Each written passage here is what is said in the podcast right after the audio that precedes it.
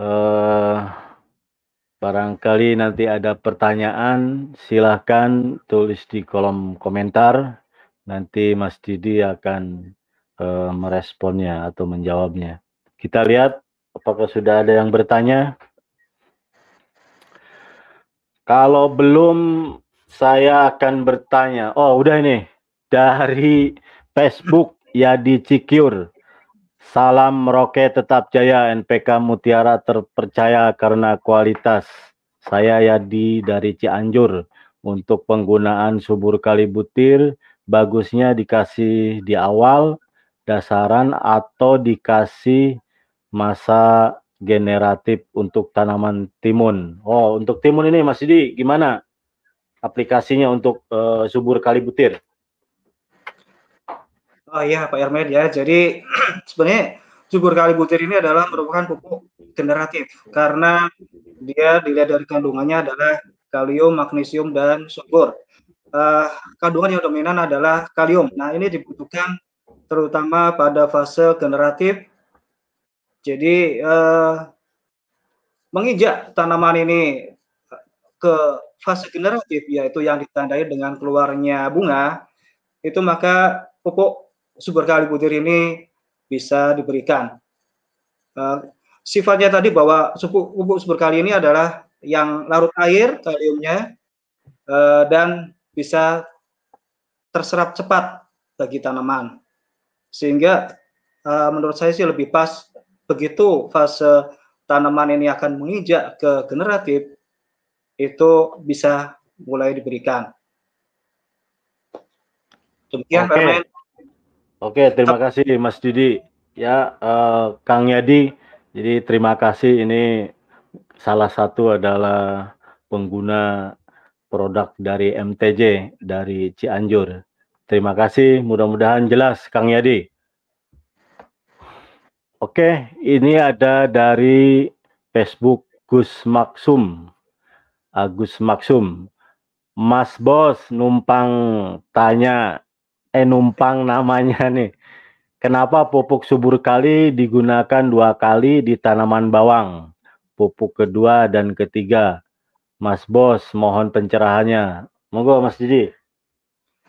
Uh, ya, betul. Jadi pupuk subur kali ini pupuk kedua dan ketiga.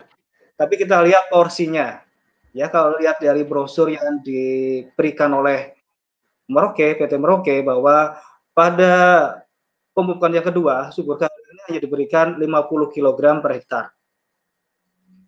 Uh, begitu dia pupuk ketiga, di mana uh, tanaman ini sudah benar-benar masuk ke fase generatif, itu membutuhkan unsur kalium yang tinggi, maka porsinya itu kita besarkan menjadi 150 kg per hektar. Uh, sebenarnya kalau untuk musim hujan disiasati ya, itu subur kali butir ini boleh bisa saja diberikan sejak awal. Karena apa? Karena dengan uh, curah hujan yang tinggi, ini tanaman cenderung akan kelebihan uh, nitrogen yang diper, yang diperoleh dari air hujan.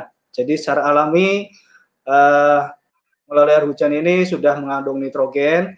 Uh, pupuk berkali butir kita berikan dari awal, tapi porsinya tidak terlalu banyak. Ini untuk mengimbangi uh, supaya asupan nitrogen yang terlalu tinggi dengan dibantu pupuk subur kali dengan kalium ini diberikan sejak awal, maka tanaman ini akan lebih tegar, akan lebih kuat terhadap uh, ketahanan uh, iklim maupun hama penyakit.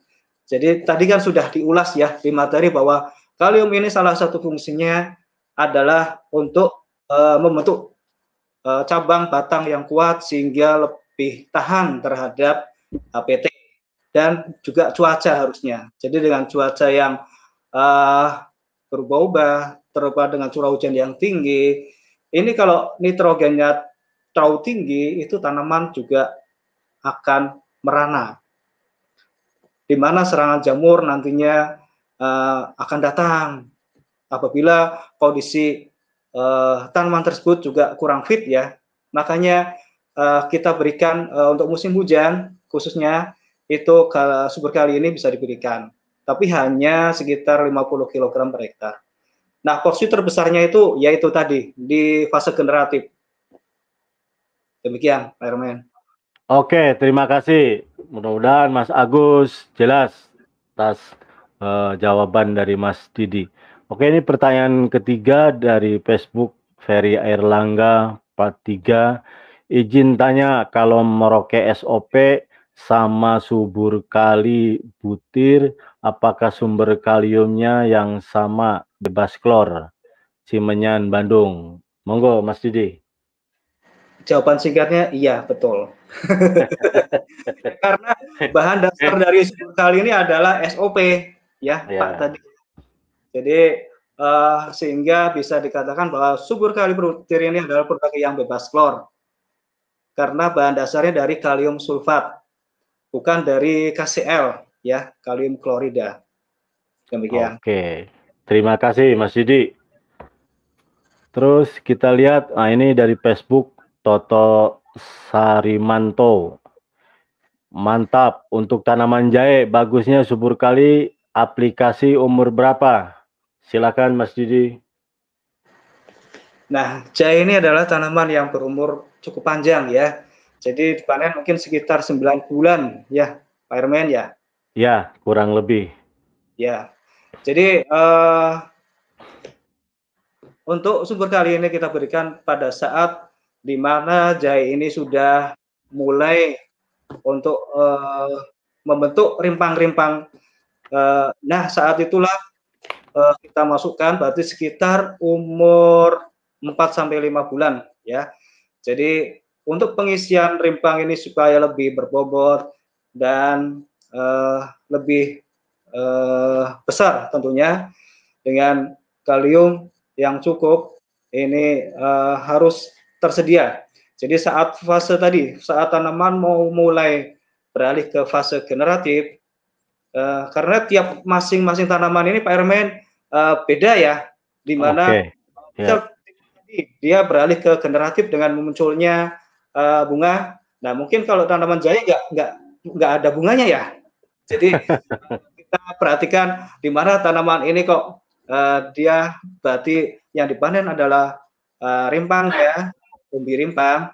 Jadi di mana dia tanaman ini sudah mulai untuk pembesaran rimpang. Nah kita uh, sebelumnya masukkan pupuk subur kali butir ini. Demikian. Oke, Mas Toto, mudah-mudahan jelas ya memang uh, sekarang lagi lagi tren ini Mas Didi. Jadi jahe di musim pandemi ini jadi orang mengkonsumsi jahe lebih banyak lagi karena mungkin untuk kehangatan tubuhnya ya.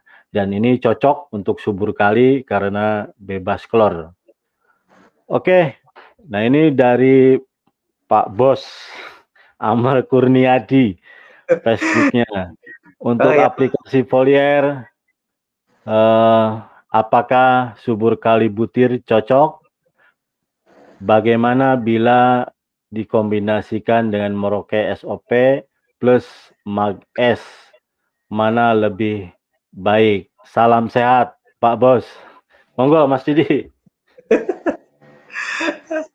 Iya, uh, uh, tadi ya bahwa untuk deskripsi spesifikasi dari subur kali butir ini merupakan bentuknya adalah bentuk granular. Jadi kurang cocok apabila digunakan untuk uh, foliar atau semprot ke daun.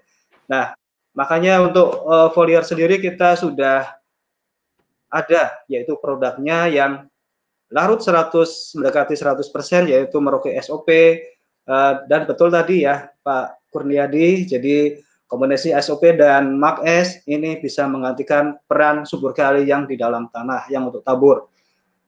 Nah, biasanya kita kalau untuk semprot foliar itu eh, konsentrasinya yang kita pakai adalah 2 sampai 3 gram per liter.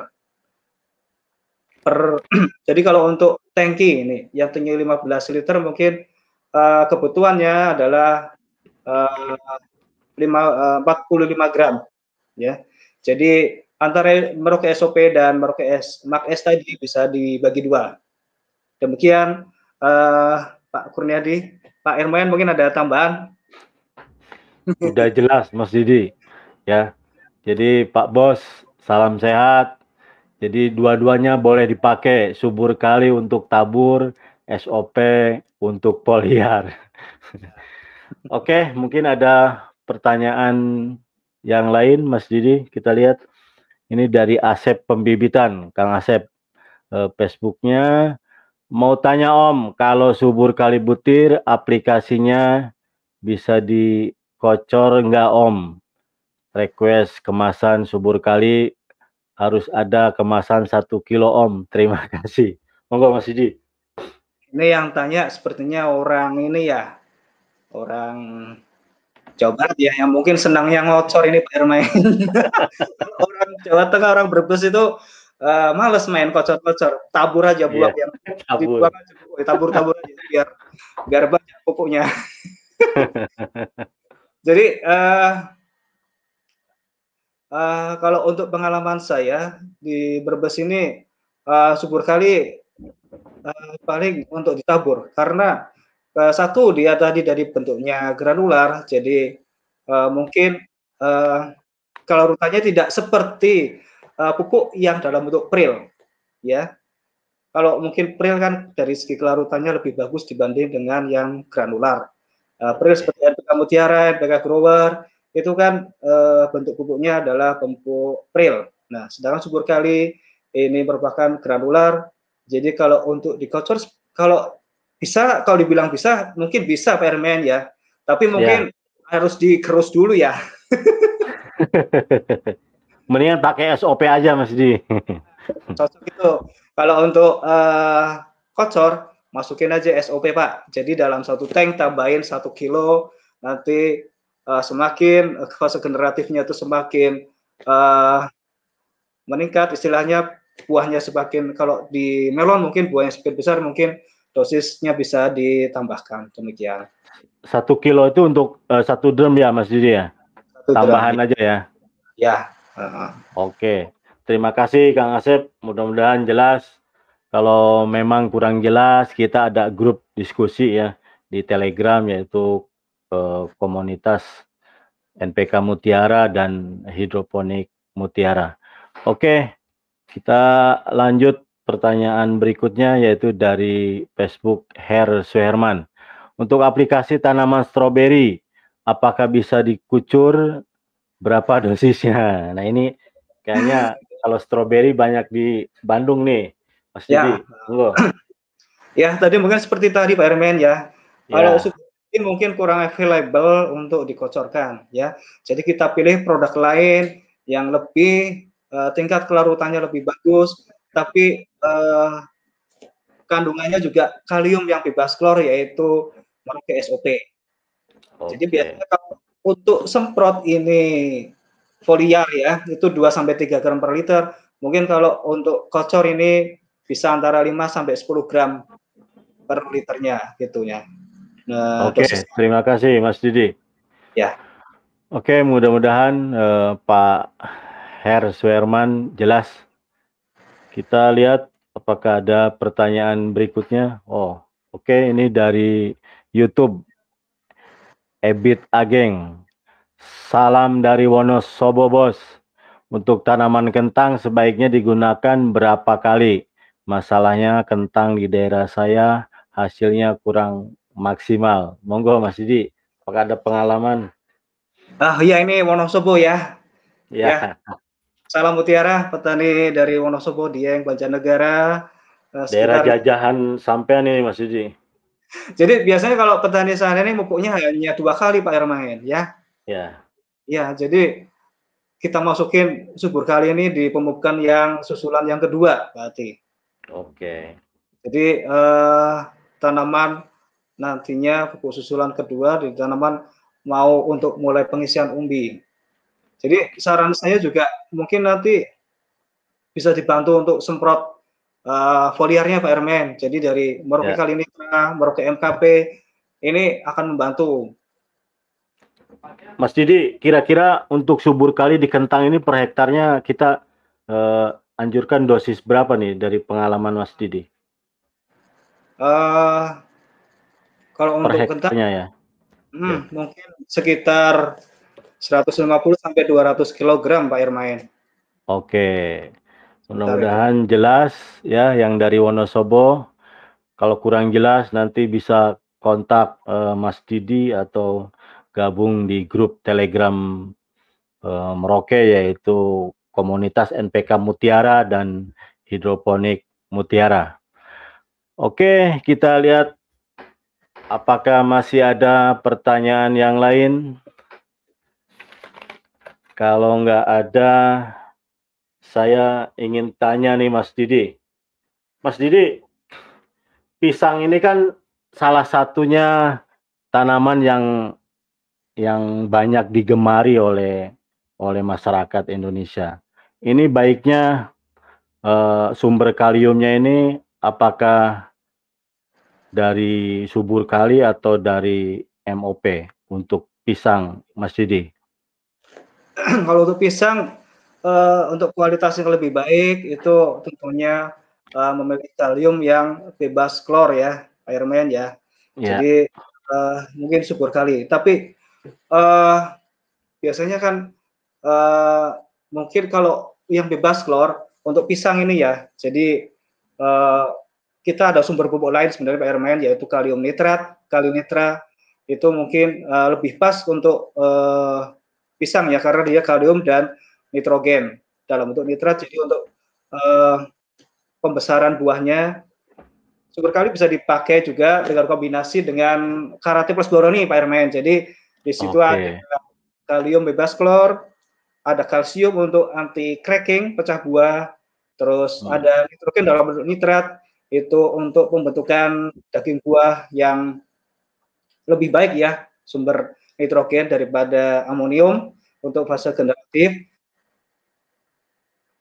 Uh, demikian Pak Hermen, kalau Pak uh, ini mungkin pertanyaan ngetes ini kali. Enggak, Mas Didi. Benar. Ada saya ada titipan ini Japri ke saya kan. Uh, Katanya nggak bisa nonton.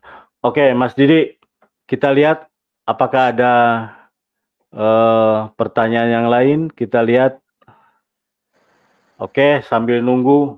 Nah ini Mas Didi, ini pertanyaan dari saya nih. Ya, bukan bukan titipan ini. Mas Didi, apa dampak klor? Klor ini kan uh, sebenarnya mikro juga ya. Jadi elemen mikro dibutuhkan oleh tanaman tapi dalam jumlah yang sedikit. Tapi memang kandungan di MOP itu besar sekali. Nah ini uh, kalau berlebihan terhadap apa dampaknya terhadap fisiologi tanaman, Mas Didi? Monggo. Singkat saja, Mas Didi. Oh ya, ini panjang boleh nggak Permain? Boleh. supaya jelas boleh panjang. Ini kita ibaratkan uh, sebagai garam dimasukkan Pak Irmain ya. ya. Uh, Pak senangnya naruh garamnya itu sedikit apa banyak coba? Kalau saya senangnya ya ya sedikit biar nggak asin kan gitu.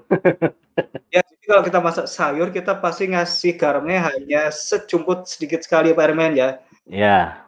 Supaya masakan ini juga lebih sedap rasanya. Tapi apabila kita ngasihnya 5 sendok, coba pasti sayurnya nggak bakal kemakan. Nah, itu ibaratnya kalau klor di dalam tanaman, dia dibutuhkan sangat-sangat kecil, ya. Cukup bantu juga berbagai proses metabolisme di dalam tanaman klor ini, hmm, tapi hanya porsinya sangat sedikit sekali. Uh, uh, tetapi ada pula tanaman yang tidak sensitif seperti kelapa. Nah, ya kelapa ini kan uh, dia banyak di pinggir pantai yang mengandung kadar garam yang tinggi. Jadi uh, mungkin ada beberapa tanaman dia yang tidak sensitif malah kebutuhan klornya juga uh, cukup besar ya. Oke. Okay. Tapi sebagian besar tanaman yang yang menilai yang mempunyai nilai ekonomi yang tinggi seperti bawang merah, durian ya, raja buah durian, ini dia sensitif terhadap klor ya. Jadi apabila okay. uh, klor ini diberikan berlebihan di tanaman, maka uh, metabolismenya atau ininya juga akan terganggu. Ya klor ini dia akan menarik air ya, airman ya. Jadi higroskopis sekali. Uh, jadi nanti mempengaruhi hasil panen yang akan didapatkan uh, pada akhirnya. Misal durian, dia uh, nanti bila klornya ini uh, banyak diberikan, maka daging buahnya juga jadi lembek. Oke. Okay. Strawberry. Nah, dia daya simpannya juga nggak akan lama, akan cepat busuk Pak Ermain. Okay. Di bawang merah. Nah, ini di bawang merah Pak Ermain, ya. Nah, itu maka susut bobot susutnya juga akan lebih tinggi apabila uh, dibandingkan dengan penggunaan kalium yang bebas klor, yakni dengan subur kali.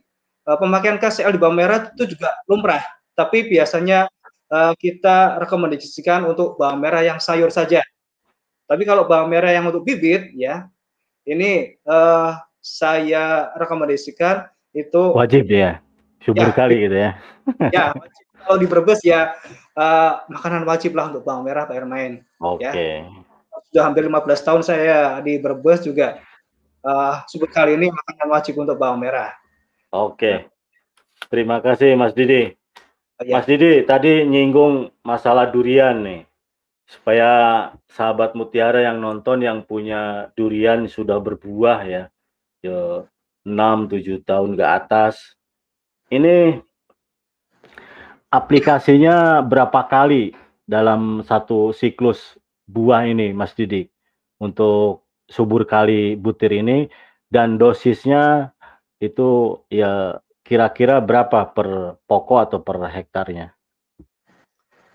Uh, jadi untuk durian kita sudah memiliki namanya kalkulator durian, Pak Irmain ya. Ya. Hmm. Jadi setelah dianalisa mungkin itu ternyata kebutuhan kalium dan kalsium pada durian ini tinggi dan tentunya mengendaki kalium yang bebas klor. Jadi okay. untuk menentukan dosis itu untuk tanaman yang sudah berbuah itu bisa kita pakai kalkulator durian yang dari hmm. PT Mungkin nanti uh, gabung aja di komunitas kita yang pegang Mutiara nanti di situ bisa kita okay. share di Telegram ya. Di Telegram untuk uh, kalkulator duriannya. Jadi kita tinggal masukkan saja, pemakainya sangat simpel sederhana sekali. Kita masukkan kira-kira berapa nanti hasil panen dari pohon durian tersebut. Nah, kita nanti konversi ke dalam uh, pupuk. Apabila pohonnya itu sudah sangat besar dan hasilnya lebih dari uh, 1000 kilo per pohon, nah itu nanti kita pupuknya bisa satu bulan sekali Pak Remain. Karena durian okay. ini tetap sensitif sekali terhadap uh, kadar garam yang tinggi. Jadi pupuk okay. ini uh, semua pupuk ini kan garam juga ya. Uh, okay. Jadi kalau terlalu tinggi konsentrasinya nanti uh, tanaman durian ini juga uh, nggak suka gitu. Jadi kalau okay. tiga bulan sekali Pak Remen untuk pemupukannya. Oke, okay, terima kasih Mas Didi. Jadi semakin besar nanti hasil panennya, pupuknya kan semakin banyak kebutuhannya. Jadi aplikasinya paling baik ya sesering mungkin ya atau sebulan sekali. Oke, terima kasih Mas Didi. Mudah-mudahan sahabat Mutiara jelas Oke, ini dari Facebook Hari Subagya, Majalengka hadir untuk menaikkan BRICS pada melon di sawah apakah bisa menggunakan pupuk subur kali butir waktu dan uh, waktu aplikasi dan dosisnya berapa? Monggo Mas Didi. Ini bagusnya nonton video podcast saya Pak Erwin yang mengenai siasat jitu maniskan buah melon. Jadi okay kita bisa makan buah melon tidak rasa ketimun.